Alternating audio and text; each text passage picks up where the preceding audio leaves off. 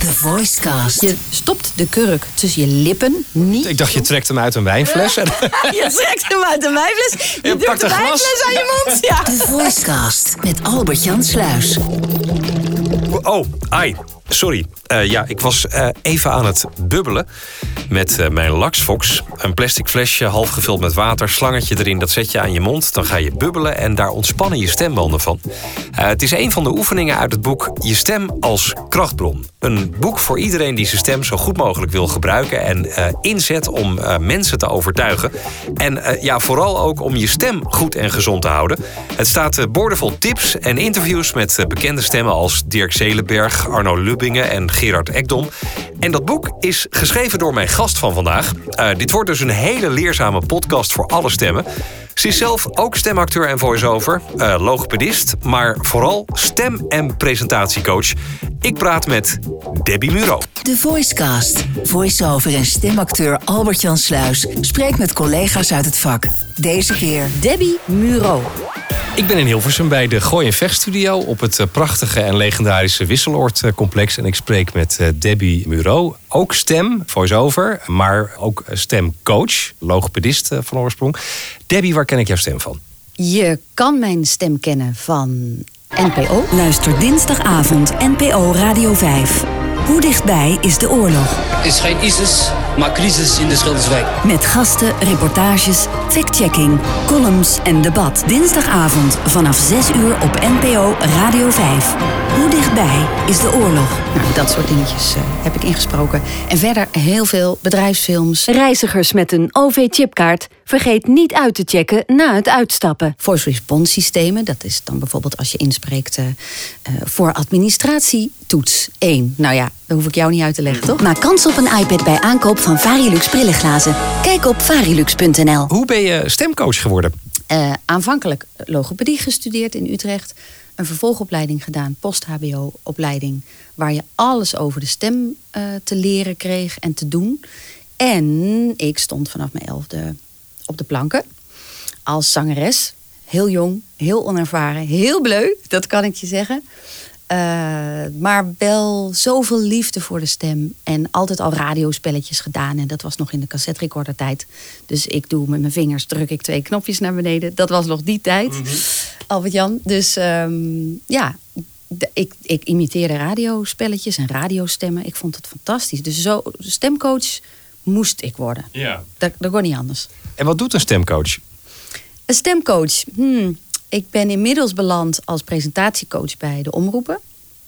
En eh, dat betekent dat ik me niet alleen met de stem bemoei, maar ook met de presentatie. En dan be- bedoel ik met name de manier van praten, de manier van spreken. Ben je authentiek? Kom je geloofwaardig over? Want dat zit hem heel erg, nou, dat hoef ik jou eigenlijk niet uit te leggen, maar hoeveel invloed stem heeft op je geloofwaardigheid. Het is enorm. Tegelijkertijd je gezichtsuitdrukking, je manier van bewegen. Dus presentatie raakt heel erg aan stem. Dus je manier van. Maar daar gaat het dan ook nog over beeld, bijvoorbeeld. Ja, Ja, zeker. Iets waar ik me nooit mee bezig heb gehouden. Nee. Dus als ik terugga naar de stem. eh, dan gaat het met name over eh, dat stukje geloofwaardig zijn, verstaanbaar zijn. En dat betekent dus ook dat ik bij ING grote klussen heb. Of bij Rabo, ABN. Eh, dat ik mensen train die eh, veel moeten spreken. En van hun eigen stem vinden dat die niet heel erg lekker klinkt. Of niet geloofwaardig is. Of gestuurd zijn door een collega die zeggen: joh, daar moet je eens wat aan doen. Maar hoe werkt dat dan? Stel je komt bij eh, een bank en daar zit een meneer en die moet voor een groot publiek gaan spreken en die kan dat niet. Maar wat, wat, wat voor probleem heeft hij dan? Ja, dat is natuurlijk de, de allerbeste vraag. Hè? Wat voor probleem heeft hij dan? Dus ik vind de allerbelangrijkste vraag: gelooft die meneer zichzelf en staat hij op zijn plek? En als ik het idee heb dat daar een heel traject voor zit, dan ga ik niet beginnen. Maar meestal is dat traject al wel besloten. Hè? Dus als iemand dan bij mij komt, dan is de vraag van... goh, ik spreek bijvoorbeeld... eh, nou ja, je hebt wel eens mensen die hebben echt een afwijkend stemgeluid. Of een eh, minister, we hebben een minister. En ik hoef niet te vertellen wie dat is. Maar ja, als je dan zo spreekt... dat betekent dus ook dat je niet heel erg geloofwaardig overkomt. En nu kijk ik jouw bloed serieus aan. Maar jij kijkt niet heel serieus meer terug. En dan Nee, maar goed, je, je doet ook iemand na nu natuurlijk. maar dat is, dat is precies waar het om gaat. Want we lachen vaak om stemmen. Eh, als je kijkt naar De Wereld Draait Door... dan weet jij ook wel de filmpjes waarin Ma- Maxima en Alexander Ja. worden... eh, hoe noem je zoiets? Die worden dan Ja, gepersifleerd. gepersifleerd. Hè? Dus er, er, wordt, er wordt een soort grappig eh, Een soort dialoog beetje ASO, de Haagse stijl. ja, precies. Maar als je dan in feite gaat kijken wat er gedaan wordt... het is het stemacteren wat het zo grappig maakt. Ja. Het is de stem die het effect heeft. De beelden zijn eh, hetzelfde. De inhoud van het gesprek is natuurlijk heel anders. Het gaat ineens over Bertha 1 en Bertha 2, geloof ik. Ja. Maar in feite is het de stem die het zo grappig maakt. Dus ik denk ook dat als je een, als politicus een serieus beroep hebt... of burgemeester... en je doet iets met je stem wat een beetje grappig of lachwekkend is... of niet congruent met je rol... en dat schrijf ik ook in mijn boek... daar gaat het om. Stel, ik ben een oncologe uit Twente. Ik heb echt serieus in een tv-programma naast een oncoloog uit Twente gezeten. En zij was bang dat, omdat ik over stem vertelde, dat zij niet meer Twents mocht spreken. Maar ze werkte in een Twents ziekenhuis. En hoe mooi. Je werd een beetje nerveus van Ze jij. werd een beetje nerveus, ja. Terwijl ik heb ten eerste gezegd van tot mijn achttiende heb ik zelf zo gepraat. Dus denk vooral niet dat ik me beter voel dan jij. maar ten tweede, hoe mooi is het als je patiënt bent en je komt in het ziekenhuis terecht. En je hebt een afschuwelijke diagnose voor je neus waar jij mee moet dealen. En de arts schept geen afstand. Die komt juist dichtbij omdat ze jouw taal spreekt. Ik zeg dus doe alsjeblieft wat je altijd doet. En ga dat niet afleren. Dus ik zal de laatste zijn als stemcoach om te zeggen... je moet een dialect of een accent afleren. Ja. Het gaat er alleen om, wat is je rol... en past het bij de rol die Ja. je op dat moment hebt. Ja, het moet passen bij wie je bent eh, en, en de rol die je hebt. En het moet eh, ook niet afleiden. Ja, je zegt het eigenlijk perfect. Ja. ja. Oké, maar als we het dan hebben over iemand bij een bank, eh, wat zou dan eh, het probleem kunnen zijn wat, wat, wat afleidt van wat hij moet doen? Ja, ik denk dat jij het wel leuk vindt als ik vertel dat een onderzoek wat er gebleken is, en ik denk dat je dat ook wel gelezen hebt. De, kranten hebben er vol van gestaan dat een lage stem autoriteit geeft en geloofwaardigheid. Staat ook in jouw boek eh, trouwens. We Ja. komen zo nog wel over je boek te spreken. Oké, ja. Dus ehm, je zou dan kunnen zeggen dat als je als politicus een te hoog stemgeluid hebt, dat dat jouw geloofwaardigheid kan ondermijnen. We hebben een paar politici in Nederland die een wat hogere stem hebben. En de vraag is, eh, ondermijnt dat de inhoud, ja of nee? En dat is altijd een discussie, hè? Ja, Balkenende heeft bijvoorbeeld best wel een hoge stem. Ja. Ja. Maar de vraag is inderdaad, ondermijnt dat zijn gezag dan? En ik denk dat dat misschien wel meevalt. Ja, dat is een lastige discussie. Ik denk dat het, wat jij net zei, dat dat de spijker op de kop slaat. Leidt het af, dan is het te veel. En er is blijkbaar een soort marge in onze oren. Ja. Van waar vinden we het nog acceptabel? Maar er is ook bijvoorbeeld een aandoening, eh, een mutatie van zetstem. En een mutatie van zetstem, die kan als man niet lager spreken. En die stemmen zijn er zeker wel in de media. Eh, en dan verlies je absoluut je geloofwaardigheid. Want je stem zakt nooit de laagte in. Het kan gewoon niet. Nee. Ja. Ja, ik denk bijvoorbeeld aan Mark-Marie Huibrechts. Die praat niet zo, maar die heeft wel een hele hoge stem. Maar bij hem versterkt het juist wie hij is. Namelijk een best wel grappig persoon. Ja, ik denk dat dat helemaal waar is. Dat, dat is dus een mooi voorbeeld van die rol waar ik Ja. het over had. Als je cabaretier bent en je praat nog Brabants en je zegt ja, sorry, dan ben ik gewoon. Ja, dan is het in zijn geval alleen maar leuk. Want hij kan de gekste en de meest serieuze dingen zeggen met die stem.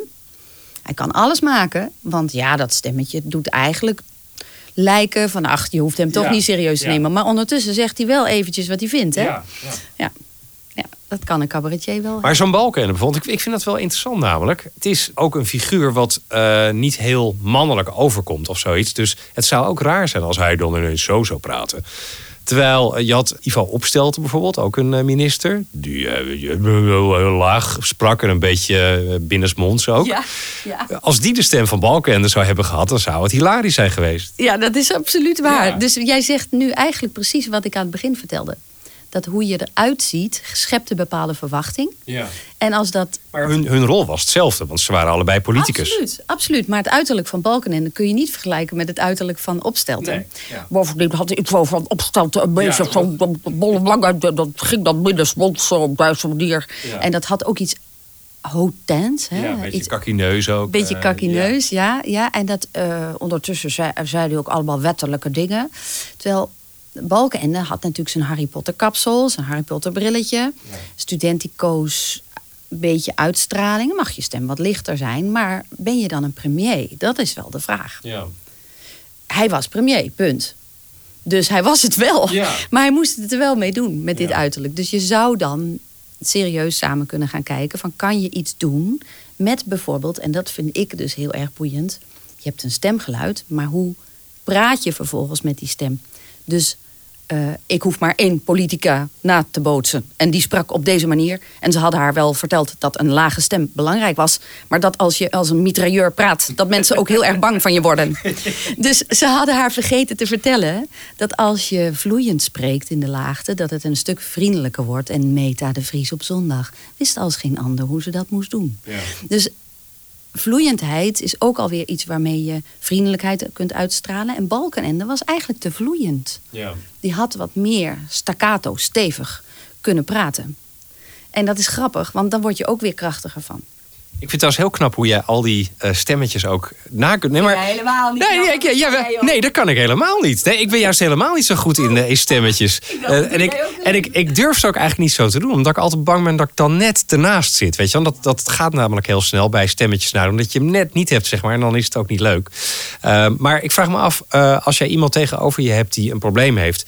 Doe je die dan ook na, zeg maar? Dat je een soort van gaat spiegelen... om aan diegene te laten horen wat er mis is? Of...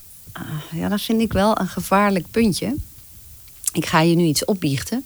Ik kan niet naar een Vlaming luisteren zonder zelf ook Vlaams mee te praten. En ik vind dat de allermooiste, de allerbijzonderste manier van spreken. Want Vlamingen hebben dat warme, die hele expliciete manier van uitspreken. Ik zeg het al fout, hè? Expliciete manier van uitspreken. Dus eh, de verleiding is groot om te imiteren. Maar ik vind dat als ik een klant krijg, die, of cliënt, ik vind het een beetje raar, patiënt, cliënt, klant, ehm, die echt met een probleem zit, dan kan je natuurlijk niet gaan imiteren. Je kan wel uitleggen wat hij doet. Je kan ook vervolgens tijdens oefeningen laten horen: hey, dit is de kant die jouw stem opzoekt. Voel je dit? Merk je dat? Laat ik je terug horen, laat ik je terugzien. Kijk eens, zo doe jij dat, zo doe ik dat. Dus ik, ik gebruik het spiegelen wel, maar ik ga natuurlijk niet zitten imiteren. Nee, nee dat voelen Alleen mensen zich ook niet serieus. gaat dat mis, want ik vind het zo mooi. Ik blijf er altijd maar heel blij naar luisteren. Ja. Eh, maar als je het eh, zeg maar over stem hebt, wat zijn de, eh, de meest voorkomende problemen eh, waar mensen mee naar je toe komen? Hmm. ja, bij de omroepen natuurlijk toch wel dat ze niet neutraal genoeg klinken. En dat een stem vervormd wordt. Dus wat je veel ziet is nasaliteit. Veel dialecten hebben een beetje nasaliteit. Als je goed luistert, Plat Amsterdams. Als ik zo Plat Amsterdams met je ga praten. En ik zou het. Ik ga nu even proberen om niet nasaal te maken. Plat Amsterdams niet nasaal is wel Amsterdams. Maar als je naar de nasale geluid erbij doet, dan wordt het echter. Eh, Gronings, Gronings praten zonder nasaal te zijn, dat gaat gewoon niet. Eh Plat Brabants, echte Brabander. Ik klonk ook bra- nasaler vroeger. Want het is een soort luiheid van het ve- verhemelte, zeg maar. Nou, je hoort het al. Ik probeer het de hele tijd te laten horen. Eh, nasaliteit is wel een dingetje wat te maken heeft met een soort luiheid van de keel. En als je die je hoort het veel, ook in, eh, want ik heb straks wat fragmenten ook voor je. Ehm, en in heel veel commercials hoor je ook best wel bekende stemmen behoorlijk nasaal spreken. Ja, dat is dus. Maar is dat dan een probleem? Want het is wel algemeen geaccepteerd blijkbaar. Ja. En ik iemand ben- als Peter R. de Vries, die praat ook Zie heel je nasaal. wel dat je het kan? Een beetje. Zie je wel. Ja, ja. eh, het is zodra een stem bekend is, beroemd is, eh, de bro- gebroeders eh, eh, in de voetbal, de broertjes. Ja, de boer. eh, Ja. De boer. Ja, die hadden natuurlijk zo, die worden altijd heel erg nasaal neergezet. Dat is hun eigenheid, hun stem. Dus dan, als je BN'er bent, mag je gewoon klinken zoals je altijd klinkt, want dat is jouw imago. Ja. Maar Ja. als het wel als een probleem ervaren wordt, hoe eh, los je dat dan op? Ja, de, eigenlijk als het afwijkt en vooral afwijkt van de omgeving of de verwachtingen van je rol. Een koningin kan niet zo praten. Nee. Hè? En dan hebben we het over een extreem voorbeeld. Maar je kan ook zeggen een burgemeester die in Amsterdam wordt verkozen. En die zou plat Gronings praten, daar zouden we wat van vinden. Dus eigenlijk gaat het erom, wat vindt die persoon zelf? Eh, vindt die persoon zelf dat het zijn carrière in de weg zit? dat het, of haar carrière, of dat het eh, belemmert. Of dat je het gevoel hebt van, hmm, ik heb het gevoel dat mensen me soms een beetje uitlachen. Of dat ik grappig word gevonden op momenten dat ik iets heel serieus aan het vertellen ben. Ja, dat is vervelend. Ja. Dus het mag altijd afwijkend klinken, zolang het maar past bij je rol. En als je een BN'er bent en je wordt ingehuurd vanwege je stem, omdat jij lekker hees klinkt, zoals Dirk Zelenberg, fantastisch, hees, heeft nooit last van zijn stem. Ehm, maar iedereen herkent zijn stem. Ehm, ja, dat is mooi. Ja. Want dan moet je ook niet anders gaan klinken, toch? Nee, nee, moet je er vooral niks aan doen.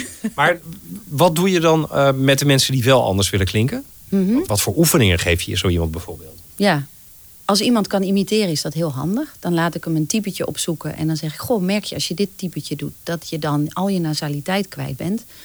Oh, zeggen mensen, ja. Dus, een- hè, Dan dus moet je dat over gaan nemen eigenlijk? Of... ja, dan ga je analyseren van wat je nou werkelijk met de, met de spieren in je keel doet.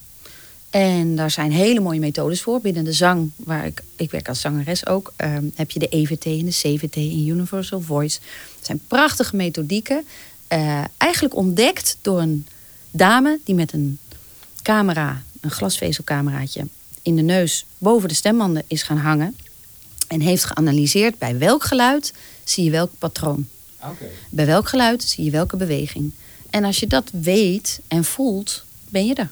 Dit zijn dan de mensen die met problemen bij jou komen. Maar er komen natuurlijk ook mensen bij jou die misschien op zich geen probleem hebben met hun stem. Maar omdat ze professioneel met hun stem werken, wel tips willen hebben, bijvoorbeeld. Om die stem zo goed mogelijk te verzorgen eh, en klaar te stomen voor eh, een opdracht eh, bijvoorbeeld. En daar gaat ook jouw boek wel veel over. Ik vind het wel leuk om met jou, want deze podcast wordt natuurlijk beluisterd door heel veel stemcollega's. Wat voor tips zou je geven aan een professionele stem om zich ochtends op te warmen?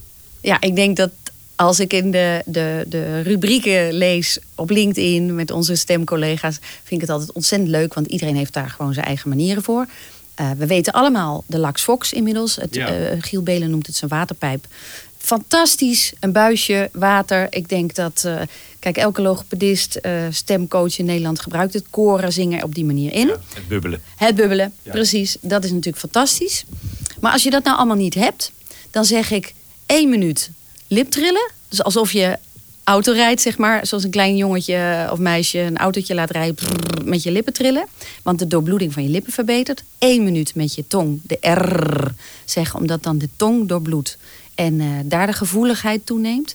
Of de la la la, toch? Of de la la la, maar ook la la la la la la. Zoals, zoals die vrouwen uit het Oostblok. Nou, dat, dat idee zeg maar. en dan één minuut kikkeren of vocal fryen. En dat is dat je eh, Kim Kardashian gaat imiteren. Dat is eigenlijk eh, Ja, tegen... onder jonge vrouwen in Amerika is dat heel erg Ja. de trend nu, hè, om zo te praten. Ja. In Nederland hoor je het ook volgens mij steeds vaker. Ja, Ja. er is Gaan het een, eh, overnemen. Ja, ja ik, Maar dat, het is wel grappig, want ik las in jouw boek... eh, je zou ook denken dat het eigenlijk helemaal niet goed is voor je stem. Dat, eh, dat, ja, je, je trilt je stem al natuurlijk, maar het is wel goed. Ja, het is goed omdat je het ontspannen met een lage toon doet. Als je de laagste toon opzoekt, eh, kan het geen kwaad. Maar je hoort als ik spanning toevoeg. eh, hè, ik ga constrictie maken, constriction. Of ik ga knijpen, of hoe je het ook noemen wil. Of duwen. Of, ja, dan is het niet goed. Met wat voor klachten komen professionele sprekers bij jou? Die komen niet met klachten. Die zeggen altijd: eh, joh, ik zou graag willen, of je zou willen weten of je daar en daar tips voor hebt. En een van de dingen die ik zelf merk, is dat ik ben nu 52. Mijn stem is veranderd ten opzichte van tien jaar geleden, vind ik zelf. Ik merk ook dat ik eh, iets meer slijmklachten heb. Dat het soms, eh, als ik dan eh, gezongen heb heel lang, dat mijn stem wat langer uit balans is. En deze voice-overs vragen dan bijvoorbeeld ook van... ik klink wat minder fris dan tien jaar geleden. Waar komt dat door? En dan hebben we het heel vaak over 50-plussers. Als ik naar jou kijk, denk ik... ik eh, zie jou nog niet verschijnen, maar... eh, Nog, nog zeven jaar, daar kom ik ook. maar ehm, dan denk ik, ja, dat is wel een heel herkenbaar probleem. Je klinkt wat minder fris. En waar ligt dat aan? Nou, punt 1. Als je eh, wat ouder wordt, verslapt je slijmvlies en het weefsel in je keel wat. En ik schijn ook te snurken, maar mijn man snurkt ook wat af. En snurken is een van de boosdoeners voor slijmvlies. Hè? Dat, dat, dat is niet zo goed. Dus eh, het trainen van je hemeltespieren weer... en dat stevig bijhouden... pittig houden van je articulatie. Daar niet te makkelijk over denken. Gewoon echt blijven trainen. Dat helpt heel goed om, om je uitspraak, om het fris en ja, fruitig fris te houden. In plaats van dat het een beetje dicht gaat klinken allemaal. Ja. En je herkent het vaak wel als het, eh, het slijmvlies in je neus een beetje dicht gaat zitten. Een beetje hooikortsachtig. een Beetje, ja, dat soort aspecten hebben vaak negatieve invloed op jou als voice-over. Ja. Ik moet zeggen dat ik daar ook af en toe wel last van heb hoor. Dus blijkbaar eh, loop ik tien jaar voor eh, misschien op. eh, Nee, nee, misschien heb je altijd al hooikorts gehad, toch? Eh, ja, ik weet niet of het hooikoorts is, maar ik bedoel, wat jij noemt, dat komt mij wel bekend voor. Dat ik, eh, nou ja, daar. Dicht. Ja, naarmate ik ouder word, dat ik, dat, eh, dat ik daar iets meer last van heb. Maar wat voor oefeningen heb je daar dan voor? Ja, dan, dan denk ik, weet je, eh, je verhemelte train je heel erg goed door het bubbelen. Het blijft heel erg goed werken, dus dat zou ik zeker doen. Er is een oefening met een kurk. En die kurk, vroeger had je al de kurk, hè? dan moest je met praten met een kurk tussen je tanden. Maar dat bedoel ik niet. Je eh, stopt de kurk tussen je lippen. Niet ik dacht, je trekt hem uit een wijnfles. Je trekt hem uit de wijnfles. Je, Je doet pakt de een glas. wijnfles aan je mond. Ja, ja hm. Het kan trouwens ook wel met die wijn. eh, ja. ik leg het uit. Dan de oefening met de kurk. ja, de oefening met de kurk. Ehm, wat je in feite doet, is dat je een. Nou, je hebt van die stoppers, die doe je nadat de kurk van de fles af is, doe jij die op de fles Ja. en dan zuig je het vacuüm. Ja, ja, die Nou, heb ik ook. Die dopjes, die zijn ideaal. Want die kun je met je lippen nog redelijk goed samenknijpen. Je mag het niet tussen je tanden stoppen, want je tanden hebben daar geen moeite mee. Je lipspieren moeten die kurk dichtknijpen. Nou, dat is niet te doen. Dat kost heel veel kracht. Maar op het moment dat je zoveel kracht met je lippen zet, trainen je verhemeltebogen enorm mee. En die versterken. En het blijkt dus dat zangers minder last hebben van snurken, verslapt slijmvlies, dichte neus. Dus dat is één. Je kunt dus met je lippen een flexibel buisje dicht proberen te knijpen. Drie keer per dag, tien keer. En je zult merken dat je getraind blijft. En doe je dat dan zeg maar van, van, eh, met, met de boven- en onderkant? Ja, dat, je, ja. dat je het echt fijn Uit de knijpt? lippen alsof je een, eh, zo'n, eh, hoe noem je dat ook weer, duckface zet. Ja. En daar zet je die kurk tussen en probeert met je lipspieren, nergens anders mee, probeer je die kurk dicht te knijpen. Oké. Dat valt niet mee. Nee. Dat is zwaar. Oké. En dan heb je, eh, want er schoot me net nog iets te binnen wat heel erg goed werkt. Ja, je sinussen open houden. Dat is best wel een dingetje. Hè? Eh, dat betekent de, de, de ruimtes bovenaan je neus open houden, fris houden. Nou ja, natuurlijk kun je wel Fisherman's Friend of andere dingen erin doen, maar dat is niet goed. Want je ontsmet eh, constant en daardoor pik je nog veel eerder allerlei virusjes op. Dat wil je niet. Dus wat je kan doen is zorgen dat je dat deel, ehm, en dat is bijna niet te doen op radio of op eh, audio, maar je pakt je neusbrug, dat is het bordje boven aan je neus. En dat bordje dat zit vast aan je schedel, maar niet heus. Het zit niet helemaal vast. Er is een soort schedelbreukje tussen de neusbrug en de voorhoofdbrug. Dit heb ik uit de Krafta en het helpt heel goed. Eh, en dan, dan schuif je je neusbrug. Dat voelt alsof het niet kan. Maar je, je probeert hem van links naar rechts te jotteren. Jotteren? Jotteren. Ik weet geen ander woord voor. Dus dan dat je dat probeert te verschuiven van links naar rechts. En dan Maar met je vingers? met je vingers. Je pakt hem vast als tussen duim en wijsvinger. Dat, dat dikke bruggetje boven aan je neus. Je voelt precies waar dat is. En dan ga je met kracht ga je rustig naar links en naar rechts. En dan voel je dat je soms eh, de ruimte bovenaan je neusbrug weer vrij krijgt. Als je daar altijd dicht zit. Bij mij zit hij nu vrij vast, maar ik moet misschien even wat meer kracht zetten. Dat doe ik wel eh, als jij er niet bij bent. Ja, ja, ja, ja. En zo zijn er. Weet je, het is fantastisch als je verdiept in de anatomie. Want je kan ook je strottenhoofd zelf bijvoorbeeld vrij houden en bewegelijk, bewegelijk houden. Eh, als je ouder wordt, word je minder mobiel in je hals, hoofd, keelgebied. Ehm, kijk maar naar echt oude mensen achter het stuur. Die kunnen bijna niet meer naar links en naar rechts kijken. Omdat die spieren allemaal te kort worden. Dus zorg dat je sterk blijft, dat je flexibel blijft. En eh, vooral je hoofd, hals, keelspieren veel eh, mobiliseren. Dus naar links en rechts kijken, oor naar je schouder brengen, oefeningen doen. Zorg dat het, dat het flexibel blijft. Dat vind ik echt heel belangrijk. Ja. Nu eh, vind ik ook wel dat een stem eh, ouder mag worden. Ik moet eerlijk zeggen dat jij heel jong klinkt. Eh, ik heb Machteld van der Gaag geïnterviewd. Eh, dat vind ik ook een voorbeeld van iemand die eh, toch ja, heel jong blijft klinken op een of andere manier. Dus misschien dat zij onbewust al die oefeningen doet. Of misschien is ze ook bij jou geweest. Ik kan je uitleggen waarom het zo is. Ja? Ja, Nou? ik ben altijd een enorme tandenknarser geweest. En als je bruxisme hebt, dat is dus het aanspannen van je kiezen en va- vaak op elkaar zetten van je kiezen, dan span je je strothoofd altijd omhoog. En ik heb ook al, altijd op mijn nagels gebeten. Ik bedoel, je mogen, jullie mogen het allemaal weten. Eh, dus ik heb heel veel gekauwd op mijn kaken. Ik heb ook stevige kaaklijn. En eh, dan trek je je strothoofd als het ware een beetje omhoog. En als je dat je hele leven hebt gedaan, dan zijn de heffers van het strothoofd overactief geweest. En klink je dus jonger. Maar dat heeft Machtel dus ook gedaan, denk je? Of? Ja, Ja. ja zeker weten. Je kunt soms, soms komt iemand binnen, dan zie ik aan de kaaklijn, oh die verlichte stem. Ja, En je kan het ook eh, soms zien aan bijvoorbeeld eh, hoe groot eh, de neus is. Dat geeft ook iets aan voor wat betreft hoe de stem klinkt, toch? ja. Ja. Ja, je kunt soms horen van hé, hey, hier zit natuurlijk heel veel klank in. Dat zie, dat zie je aan de bouw van iemands gezicht en de lijnen naast je neus. Die verraden of je weinig of veel karakter laat zien Ja. en horen. Ja. En als je veel scherpte naast je neus hebt, dus de brug van je neus, de vleugeltjes van je neus, erg goed zichtbaar. Dat zijn mensen die klinken vaak met veel resonantie. En je hebt ook echt mensen die dit altijd vlak laten. En die klinken vaak wat meer nasaal. En het klinkt wat vlakker allemaal. Het is echt te zien. Ja. Nou, je hebt dus een boek geschreven. eh, de, Je stem als kracht. Ja, je eh, je, ik wou hem opzoeken. Mag je stem als. over vertellen? nou, ja. Die titel is natuurlijk vreselijk. Je stem als krachtbron vond ik een yogatitel. Ik Ja. zal het je heel eerlijk Beetje, zeggen. beetje, beetje vaag. Niet zeggend. Ja. Het zei me gewoon niks. En ehm, ik heb dus nu een primeurtje voor jou. Want in oktober dit jaar ligt eh, het tweede boek op de planken. En die gaat heten 50 tinten hees. Je gooit over een hele andere boeg. Nou, dat wilde ik bij de eerste al. Want ik hou, weet je, het boekje. Nou, je, je hebt het gelezen. Het is niet pretentieus. Het, is, eh, het staat allemaal interviews, leuke anekdotes, verhalen. Hele praktische tips. Praktisch, maar helemaal niet bedoeld eh, om, om deskundig te gaan zitten doen. Eh, maar ik dacht, Dus ja, het is feitelijk. eh, ja, ik dacht, alles waar mensen wat aan hebben na 25 jaar stemcoaching, wil ik in een boekje. Ja. Ehm, en toen wilde ik een leuke titel. 50 tinten hees vond ik wel passen bij nou, wat ik ook in het boek vertel. En eh, de uitgever heeft gezegd, weet je wat, dan doen we dat bij dit boek wel. En eh, dat wordt eigenlijk een soort uitgebreidere versie van het eerste boek. Dus eh, deze oplage is er doorheen. Maar en, het nieuwe boek, dat wordt dus uitgebreider. Maar, maar die titel, hoe moet ik dat dan opvatten? Nou, het gaat eigenlijk over eh, hoe, verleid je iemand met je stem. En eh, d- daar zitten alle stemaspecten die we net besproken hebben net zo goed in.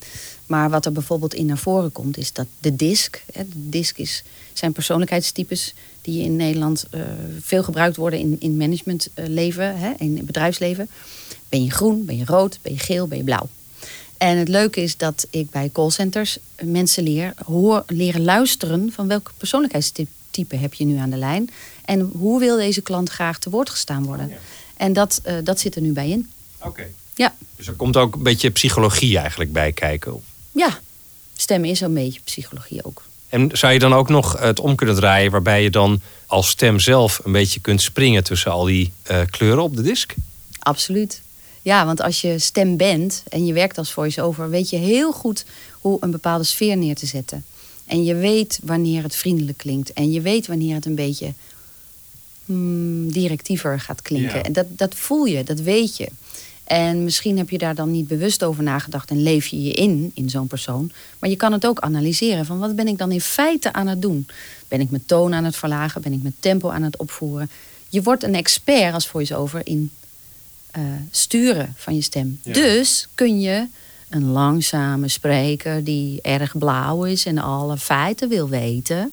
Maar hoe zit dat dan, meneer? Dan kun je je aanpassen, rustig spreken, niet te lange zinnen maken. Zorgen dat je in feite geeft wat die ander nodig heeft Ja. om tot een goed gesprek te komen. Voelt voor jou niet prettig, voelt voor jou niet comfortabel, niet wat je gewend bent, is voor de ander heel fijn. Ik vraag me af of dat... Want eh, als het het gesprek helpt... dan ga je jezelf ook beter voelen, toch?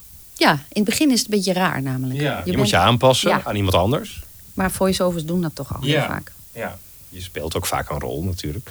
Nog even praktisch, hè? want dat, dat vind ik wel leuk aan een gesprek met jou. Eh, stel, want we hebben allemaal als stem eh, één keer per jaar... of misschien wel twee of meer keren per jaar te maken met verkoudheid. Eh, wat is de beste manier om daar doorheen te komen? Want ik merk zelf bijvoorbeeld, eh, ik heb eh, laatst was ik verkouden. Het verloopt altijd een beetje op dezelfde manier. Het begint met keelpijn. Heb je twee, drie dagen heel erg keelpijn. Maar op dat moment ehm, gaat spreken wel moeizaam, maar je stem klinkt nog goed. Ja, dat is wonderbaarlijk, toch? Ja. Maar moet jij dan veel hoesten dan ook? Dan nog niet, want dan is er ook nog niet echt slijm. Dan is er gewoon de ja, ontsteking van de keel. Of, maar in ieder geval dan werkt uh, de, de stembanden die werken nog zeg maar.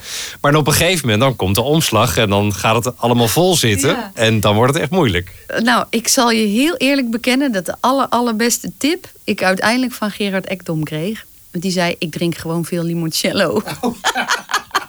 en toen dacht ik, volgens mij is dat de allerbeste tip. Want hoe kan je nou verder al die bacteriën doden? Ja, weet je, we kennen natuurlijk tig middeltjes. Maar een echte verkoudheid, Ja, dat is gewoon een hel. ja je moet er gewoon even doorheen. Maar al dat slijm bijvoorbeeld, is, is daar... Ja, dat bubbelen, dat helpt natuurlijk wel, hè? Oké, Weer bubbelen. Ja, want bubbelen is onmiddellijk... Als je kijkt, dan zie je gewoon een, heet, een trilplaat. Ja. En dat gebeurt nooit met niks wat je doet met je stem. Behalve als je bubbelt, verandert je keel als het ware, het ware in een trilplaat. En al dat slijmvlies, dat trilt los. Al, althans, slijmvlies niet, maar het slijm wel. Ehm, en dat is dan eigenlijk het enige wat je kan doen ertegen. Ik, zie- ik zie niet wat je nou veel anders kan doen. Nee. Ja, ja het, is, het, het hoort er gewoon bij. Het is eh, part Ja, of the deal. Als je heel veel moet hoesten, vind ik dat je als voice-over codeïne moet slikken. Dat is een pijnstiller, toch? Codeïne nee, is een eh, hoestremmer. Want het is het hoesten wat je stem kapot maakt. Dus als je, daar moet, je, moet ik wel mee oppassen hoor, wat ik nou zeg. Want als er echt een ontsteking is en je lichaam moet het slijm kwijt. en je legt dat plat met codeïne, dat hoesten. dan hou je al die bacteriën in je lijf. Ja. Dus laat het hem. Maar je hebt ook wel eens van die hoestjes, nou dat weet jij wel, dat kriebelt. En je komt er maar niet van af. En het is super vervelend. En je bent aan het praten en je schiet steeds in die kriebelhoest. Ja. Nou, dan, dan mag je echt. Maar ik wel- heb de indruk dat hoesten soms ook een soort tik is. Dat je... Ja, eh, kuchen. Kuchen is, ja, kuchen ja. is dit. Maar dit is geen hoesten, toch? Nee, sorry, ik, ik, ik haal ze nu ook door elkaar. Maar dat sorry, kuchen is... eh, weet je, je zit in een spreekcel en je gaat je tekst doen en doe je eerst even... maar ja, dat is natuurlijk heel slecht. Eh, maar dat kun je ook eh, waarschijnlijk afleren. Ja. En een beetje kuchen is niet erg als je het maar met veel lucht doet. Een beetje bekakt op zijn Engels kuchen. Ja, dat- Dat is de goeie. Ehm, een ander probleem wat ik zelf wel eens heb, dan heb ik slecht geslapen en dan articuleer ik heel slecht. Dan, eh, dan- ja, dan kan ik, Als je te veel limoncello op, dat kan ook nog. of te weinig. Of te weinig, ja, dat kan ook nog. Maar eh, heb je daar iets, iets op? Iets met, met eh, weet ik wat, je, je, je kaken bewegen? Of, eh, Ja, articulatie, ja. Ehm, het is een spierkwestie. Dus ik zou zeggen, zorg dat je wel even warm draait... en dat je heel truttig eh, gaat praten. En dat je even de goed eh, je lippen trilt en eh, alles aanzet... voordat je dan gaat opnemen. Ja. Ja. Ik zie wel eens filmpjes van stemmen die dan heel erg hun, eh, ja, hun lippen alle kanten op gaan. En dan, ja, dan trekken ze het een beetje strak. Ja, Voor de luisteraar, dit is niet het gebruikelijke gezicht van Albert-Jan. Ik had even wat. eh, toev- Ik was vanochtend met wat teksten bezig. En ehm, ik kom eh, dan bepaalde constructies tegen die ik eigenlijk heel vaak tegenkom in teksten. Die ik er lastig uit krijg. En ik denk dat het niet alleen persoonlijk is. Ik denk dat meer mensen daar last van hebben. Een heel simpel zinnetje wat heel vaak aan het einde van een eh, tekst staat is: neem dan contact met ons op. Ja, En daar heb ik soms heel erg moeite mee om die er goed uit te krijgen. oké. En wat, kun je het eens een paar keer doen? Neem dan contact met ons op. Nou, nu komt hij er redelijk uit. Maar de, de, de neem dan, dus van de M naar de D. En dan eh, ja, met ons op.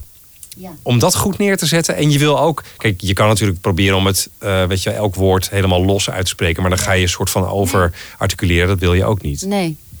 Nee, neem dan contact met ons op. Hmm. Die T, die Ik denk dat de tact. intonatie... Neem dan contact met ons op. Dat, dat je hier heel veel in je intonatie moet gaan doen. Ja. precies. Dat je er ergens een soort pauze ook legt. Of, of gewoon echt even goed omhoog gooien. Zodat je dat ene woord eruit tilt. Want het is waar. De emmetjes en de peetjes en de T, eh, die plakken allemaal aan elkaar hè, Ja. eh, bij je lippen.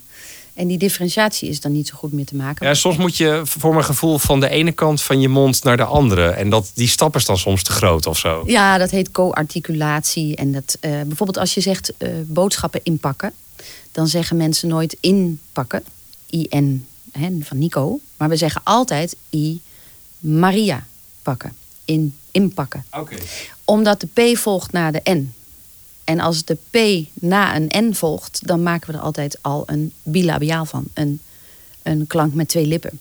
Dus ik zou me niet veel zorgen maken over het feit dat die co-articulatie bestaat. Je wil alleen dat de luisteraar het verstaat. Verstaanbaarheid is afhankelijk van voorspelbaarheid. Dus hoe voorspelbaarder de zin klinkt, neem dan contact met ons op. Of neem dan contact met ons op.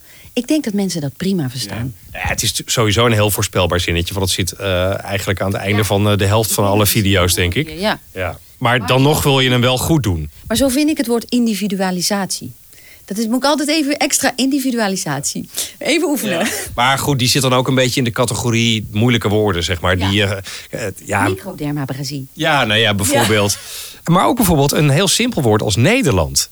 Daar hebben heel veel stemmen moeite mee. Nederland. Ja. Die R die valt vaak Ik weg. ga je daar wat over vertellen. Nou, De R na Nederland mag je weglaten. Nederland. Hij mag. Je hoeft hem maar net Ik hoor hem wel bij jou nu. Ja, net aangeraakt. Maar als ik hem weglaat, Nederland, merk jij het ook niet. Nee. Het is de voorspelbaarheid van het woord wat maakt dat het verstaanbaar is. En als voice-over wil je het netjes neerleggen. Mhm. Maar uiteindelijk denk ik dat die eind-R, die finale R, die mag je heel mild aanraken. Of je maakt er een gevocaliseerde R van. R, Nederland. Nederland hoor je ook wel. Maar als je die te veel gevocaliseerd maakt, te veel spanning in die R, hè, dan, dan wordt het zo'n lachwekkende Gooise ja, dan R. gaat het ook heel erg opvallen. Ja, Ja. dus dan krijg je Nederland. En dat willen we ook niet. Nee. Dus eh, de finale R, of die vlak voor een andere medeklinker staan, hoort, boord, wat een raar woord, pardon, wat een raar woord, hè, dan, dan, dan vocaliseer je hem een beetje. Mhm. Je kan ook zeggen, wat een raar woord. Maar hoe meer je hem aanwezig maakt, hoe opvallender hij wordt. Ja. En hij is dan, hij, hij valt uit de toon. Maar dat is natuurlijk het lastige van ons werk, vind ik althans. Eh, in de normale spraak, als je zo met elkaar praat, weet je, als je dan, als je dan af en toe zo'n zo'n letter even een beetje ja, wegmoffelt. Of eh, het, het eh, maakt niet uit voor de verstaanbaarheid van ons gesprek. En nu let je er niet op. Maar als je gaat inspreken, je zit in zo'n spreekcel en je komt dan dat woord Nederland weer eens tegen. Dan blijf je er soms op hangen, omdat je denkt van. Eh, hoe zat het ook alweer? En eh, ja, het is wel verstaanbaar, maar ja, misschien zegt de klant wel, ja, je slaat de R over, weet je wel. Dus Ja, dat, ja, Ik snap helemaal wat je bedoelt. Ik merk ook dat ik dan altijd. eh, ik denk dat het een grote juk is van een voice-over waar de klant bij is. Een van de eerste dingen met- die mij in Twente overkwam, is dat ik alle eindennen moest uitspreken van Twentse mensen. En zij zelf niet in de gaten hadden dat als je Twentenaar bent en je wil niet dat men hoort dat je Twents bent, dat je de eindennen gaat uitspreken. Ja. Dus dat je dan erg opvalt als Twentenaar die de Ja. eindennen aan het uitspreken is. ja, ja. Nou ja, dat verhaal uitleggen was lastig. Eh, dus dan doe ik soms braaf wat de klant wil. Of ik laat iets meer R horen. Eh, ik ben Brabants, dan heb je een huige R. Als ik jouw R ga doen, klink ik belachelijk. Klink ik onnatuurlijk. Dat wordt niet, eh, wordt niet mooi. Nee. Jij zegt ook niet natuurlijk. Jij zegt natuurlijk. Ja. Jij fo- focaliseert hem daar. Ja. En ik denk dat als je slim bent als voice-over, dan ga je eh, kijken waar je kan focaliseren. Dan is die heel mild. Dan raakt hij net even die R aan, maar niet veel. En, En, en dat geldt natuurlijk ook voor de eindennen. en de eindennen ga je ook niet overal aantikken. Nee. Nee. Wat ik ook wel eens lastig vind, is als je een tekst. Ik, ik hou sowieso niet zo van teksten waar veel u in staat. Ik zeg liever je. Oh ja. Maar als dan het, de, de u en de uw, en dan in combinatie met de oe en de ui. ehm, in een paar stappen leggen wij u uit hoe u dit doet. En dan, als je dat snel doet, leggen wij u uit hoe u dit doet. Die, die hoe u dit doet, dat wordt ja, Ik ben het zo met jou eens. vreselijk. Vreselijk. Ja. Maar ja, je, je komt er uiteindelijk wel uit. Maar die moet ik soms wel even een paar keer opnieuw doen.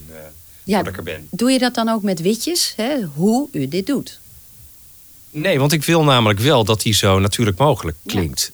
Kijk, ik kan inderdaad hoe u dit doet. Ja, dan Weet je- heel onnatuurlijk. Ja, dan, dan houdt het op en dan gaat het heel erg opvallen. Ja. Je wil het wel vloeiend doen, maar Ja. om dat vloeiend te doen en dan al die klinkers nog goed uit te spreken, want die. Ja, die hoe u dit. Ja, die, ze gaan op een gegeven moment door elkaar heen. En dan wordt de oe een u en de u wordt een ui. Dan En heb je ook wel echt een rottige te pakken, hè? deze kom ik ook veel tegen op Ja. een of andere manier in Ja, en je bent, bent geneigd om dan de, de zin een beetje te veranderen. Nou ja, de oplossing zou voor mij al zijn om van de u gewoon je te maken. Ja, dan is het Hoe je dit doet. Ja, is het opgelost. Dan ben je er. Maar die Dus hou eens op met al die formele Ja. teksten. Ik ben het helemaal met je Ja. eens. Ik vind de U echt lastig. Ja. Ik kan er ook niet veel meer van bakken hoor. Nee. Nee. Oké. Ik heb een, ehm, een spelletje. Herken de stem. Herken de stem. Herken de stem. We doen het iets anders dan eh, gewoonlijk. Want eh, normaal eh, gaat het om het herkennen van de stemmen. Hier zitten wel wat bekende stemmen tussen. Maar het gaat vooral om hoe ze spreken en wat je daarvan vindt. Hier is de eerste. Met uitzendbureau Recruit a Student haal je het talent van morgen vandaag nog in huis. Flexibel inzetbare studenten van HBO en universitair niveau. Eh, ik dacht aan Bart Peters, maar dat is hij niet. Maar die, die vorkt ook een beetje met zijn stem, dus, eh, die, eh, met zijn tong. Dus die trekt zijn tongrug een beetje omhoog. En die heeft dat mooie laag, een beetje lucht erop.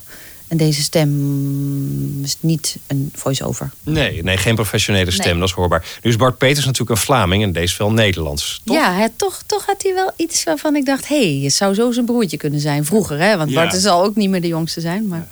Nou, dan eh, houden we het op Hans Peters. Hans dit, dit was Hans Peters. Eerst de volgende. Oké ondernemers, life's pitch. En jij hebt het idee. KVK Business Challenge. Doe mee met opdrachten van KPN, Philips en EY. Het brein, dat ben jij. Ja, dit geluid is heel erg in hè, nu. Het is een beetje van de straat. Een beetje, eh, je weet toch. Ja, streetwise. Ja, hmm, life's a bitch. Eh, Challenge. Ja, het is mode. De Ja. stem is mode. Dus ik zie heel veel. Heb jij, is jou dat ook opgevallen? Dat heel veel. Dan moet ik het heel voorzichtig formuleren. Heel veel mensen van autochtone afkomst en nooit überhaupt ergens anders vandaan komend Mhm. in familielijnen lang, toch nog allochtoon gaan praten. Ja. Ja, ik hoor het eh, thuis aan de keukentafel wel eens eh, uit de mond van mijn 15-jarige dochter. Ik Dus, heb drie eh, kinderen, dus. eh, En ik denk inderdaad, het is, het is hip. Ja. Het is gewoon hip. Ja, en dat, dat gaat ook weer over, denk ik. Tenminste, eh, mijn dochter kan ook heel goed switchen. Die, die is dan ergens geweest en dan eh, nou, praat ze zo, eh, weet je. Zo. En dan een uur later, dan heb ik met haar gesproken. En eh, nou ja, dan neemt ze mijn spraak weer over. En dan praat ze weer heel anders. Bijzonder. Ja. Heel bijzonder. Wel leuk. Ja. Ja. De volgende. Ga naar interpolis.nl slash ondernemen voor het verhaal van Edwin... en bekijk de voordelen van onze verzekeringen voor ondernemers. Eh, bekende stem, ik weet zijn naam niet. Acteur, denk ik. Ik weet zijn naam ook niet. Maar dit is nasaal. Ja. Hij, hij spreekt nasaal, maar ook met heel veel resonans. Het is niet afgesloten nasaal. Het is niet, het is niet storend nasaal. Nee, nee. Er zitten ook geen neussnurkjes bij. hè? Want dat heb je ook nog, dat je, dat je daar... Nee, dit is een nasaliteit die eh, de stem heel mooi vol maakt. Ja. Warm, rond. Ja, en het is een heel ervaren spreker. Hè? Dat, dat hoor je. En hij weet donders goed wat hij doet. Ja. Hij zet intentie in zijn stem. Ja, en dan die nasaliteit maakt er onderdeel van uit. Ja. Waarom vinden we het vaak zo moeilijk om te accepteren dat we niet voldoen aan het ideaalplaatje? En waar ligt de grens tussen op een gezonde manier aan je leven werken en een met obsessie aan je leven werken? Stel je vragen en leg je ideeën voor aan mijn gasten. Ja, Jurgen Rijman eh, natuurlijk, die haal je er meteen uit. Eh, dit is wat je noemt broddelen, toch? Ja, hij schuift woorden behoorlijk in elkaar. Hè? Ja. En tegelijkertijd is hij ook nog eh, gesloten dasaal. Dus je hoort bij hem geen enkele eb of ed weer door die deus komen. Eh, hij heeft natuurlijk ook nog dat Surinaamse erin, eh, zeg maar. Ehm, het is wel een prettige stem om naar te luisteren. Eh, je ziet ook hem meteen voor je, waardoor het eigenlijk ook wel iets leuks krijgt of zoiets. Maar zo iemand laat je niet snel een commercial inspreken, denk ik. Ja, ik zou zeggen als het product heel erg past bij zijn imago, dan ga je dat doen. Ja. Want dan denk je, ja, dat moet Jurgen natuurlijk aanprijzen. En verder, nee. Nee. Verder niet, nee. Zou je ehm, zo iemand. Stel, hij komt naar je toe. En eh, zegt: eh, Debbie, wat is er mis met me? Wat eh, moeten we doen? Dan zeg ik, zullen we wat aan je neusdoorgankelijkheid doen, eh, Jurgen? Want volgens mij ben je altijd verkouden. Want weet je, zijn, zijn distortion in de laagte... eh, dat ruwe wat hij in zijn stem heeft, vind ik superleuk. En als hij daar geen last van heeft, Ja, waarom zou niks je- aan doen. Nee, niks aan doen. Eh, tegelijkertijd hoor ik dus dat hij niet goed eh, klanken door zijn neus kan zeggen... omdat het daar volgens mij altijd dicht zit. Ik ben ervan overtuigd dat hij dat al lang weet... en dat hij al bij de KNO-arts is geweest. Of dat hij daar een of ander pufje voor heeft voor zijn neus. Maar eh, dat het te horen is en dat het wat doet met zijn articulatie... dat is een feit. En dan denk ik, dan wordt zijn stem warmer en ronder en nog voller van. Wordt alleen maar beter, Ja. mooier. Nou, Jurgen, bel Debbie is. Nog eentje. Hoi, ik ben Katja en ik weet het antwoord op uw personeelsproblemen. Slimme uitzendkrachten on demand en een uitzendtarief van slechts 17,75 euro. Dat wilt u toch ook? Ja, die kennen we ook allemaal. Eh, Katja Schuurman. Ja. En daarvan weet iedereen dat ze... Hees is, hè? Ja. En eh, de titel 50 tinten hees zegt, zegt het al, hè? Want er is natuurlijk... Het is een prachtige vrouw. En zo'n stem bij zo'n vrouw matcht natuurlijk... Ja. 100 procent. Ja. Het heeft zeker veel goed gedaan voor de imago. Het heeft het alleen maar versterkt natuurlijk. Absoluut. En ik zou ook zeggen van joh, eh, ik kan me voorstellen dat zij, eh, wat jij aan het begin zei tegen mij, hè, van soms als ik dan een beetje hees ben, heb ik er eerder last van. Dus ik kan me voorstellen dat zij dat heeft. Maar verder zou ik zeggen, joh, eh, heesheid is juist prima als je er geen last van hebt. Ja. Het is een klankkleur en het zegt wat over de mate waarin je stembanden sluiten. En het zegt wat over. eh, eh, er zit wat meer emotie in je stem. En bij alle aspecten die, die Katja eh, presenteert, komt emotie bij. Het gaat altijd over iets wat raakt aan mensen. Maar als zij nou een e-learning van eh 20.000 woorden in moet spreken, Hmm. heeft ze dan een probleem? Of- Ja, Ja. dan heeft zij een probleem. Dan wordt het lastig. Ja, want zij heeft hetzelfde euvel namelijk, als je goed luistert. Ze is zo hees. Dat is mijn diagnose op afstand. want ik ken haar niet persoonlijk. Sorry Katja als ik het verkeerd zeg. Eh, maar ze is zo hees omdat haar neusdoorgankelijkheid ook niet goed is. Ja, en vaak zie je bij mensen die moeilijk door hun neus ademen... dat ze heel snel hees worden. Pim ging helemaal voor die slimme Ford Mondeo hybride wagon. Zo eentje zonder stekker. Ja, dit is denk ik de bekendste nasale stem van Nederland. Maar ik vind het geweldig, Ja. toch? Ja, maar dit is echt... Ja, hij heeft Dit een is fantastische stem. Top Ja. nasaal, maar het is, het, weet je wat het leuke is? Door zijn manier van spreken is het, ah, is het een satire. Ja. Het Ja, Kees Prins, hè, voor de duidelijkheid. Ja. Eh, de allerlaatste. Want als je kijkt naar de passagiersaantallen naar Schiphol, dan vliegen er 71 miljoen mensen van en naar Schiphol. En 48 miljoen zijn low-cost carrier. Ik ken deze mevrouw niet, die kwam ik tegen in een, in een radio-uitzending. Ja, hier is al veel mis mee, volgens mij, toch? Ja, hier is veel mis mee. Dit is het bij uitstek een voorbeeld van iemand die geen borststem heeft. En dus ja, de hele tijd in dat eh, midden- en kopregister moet blijven hangen. En daarmee niet geloofwaardig is. Het is heel vervelend luisteren. Stem gaat niet naar beneden. Je krijgt een gevoel van, geeft die mevrouw een schop onder haar billen. Ja. Zet de radio maar uit. Eh, tot slot, eh, heb je nog tips voor mij? Voor jou? Voor jou? Nee, je hebt, ja, ja, god. Je hebt nu drie kwartier naar me zitten luisteren. Misschien eh, dat je, ja, beroepsgedeformeerd als je bent, eh, denkt van, oh, die... Nee, nee, nee. Ik vind, de- de- nou, ik hoop dat je nu wel in de gaten hebt. Ik vind oordeel over stemmen belachelijk. Een stem is een stem. En eh, is ook een persoonlijkheid. En Maar er zouden dingen kunnen opvallen die niet per se slecht zijn of zo. Maar... dus dat ga ik nu wat, zeggen. Ja, wat valt je op? Ik vind dat je heel veel twang hebt in je stem. En dat is ook twang. Twang. Twang is... eh, en, en, en zoals ik het nu doe, doe, is niet nasaal. Ik bedoel het niet nasaal, want dat doe je niet. Maar je hebt wel een soort scherpte in het middenregister en in de laagte... die je gewoon vanzelf, van jezelf hebt. Ik, eh, sta je wel eens langs de lijn te coachen of niet? Nee. Want jouw stem zou zo hoorbaar zijn. Je draagt ver. Draagt ver. Ja. Je hebt echt, eh, dat noem je twang. En dat is eigenlijk... Stoorde mijn moeder vroeger ook al. eh. Nou, weet je wat het is?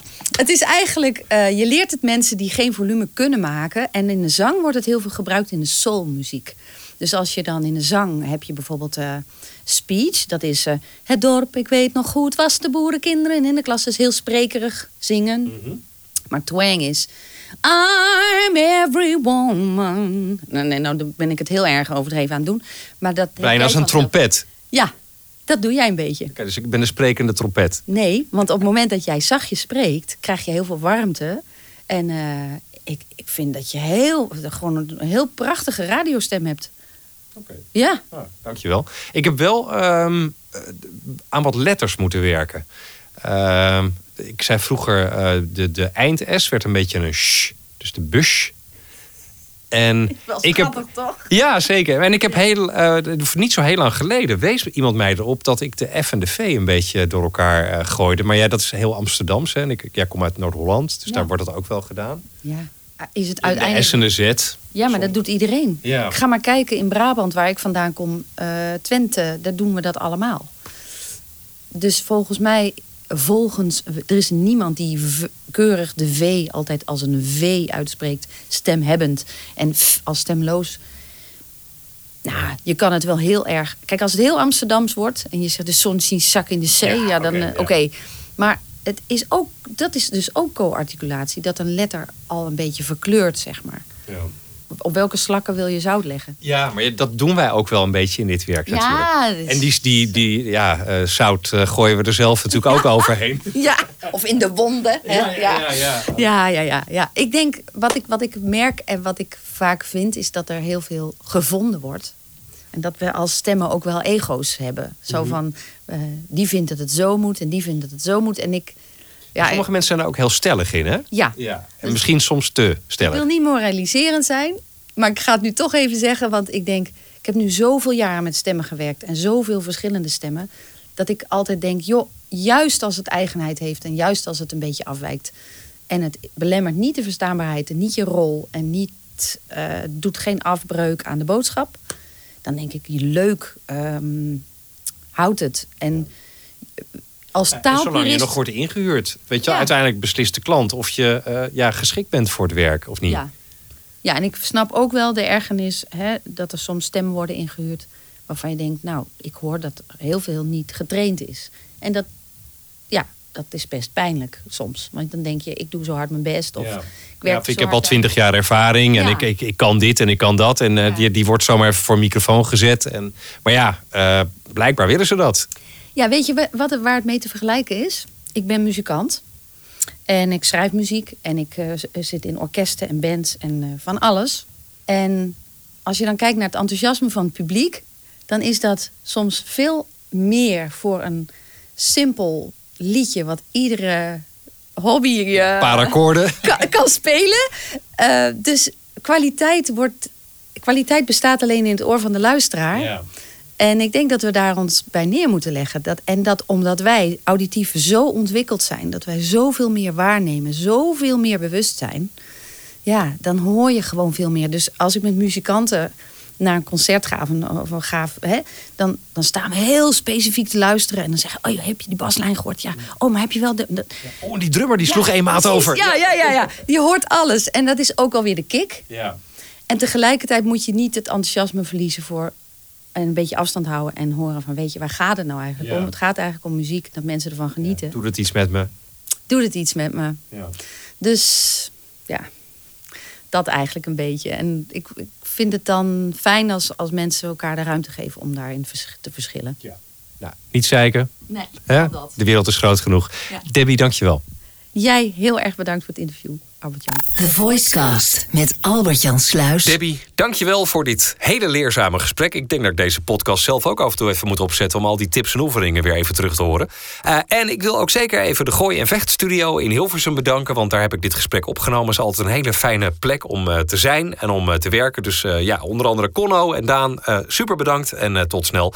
En graag tot de volgende Voicecast.